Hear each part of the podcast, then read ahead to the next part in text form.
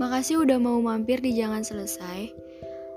Aku harap kisah kalian gak bakalan selesai sampai di sini aja. Di depan sana masih banyak yang nunggu kalian. I hope you enjoy.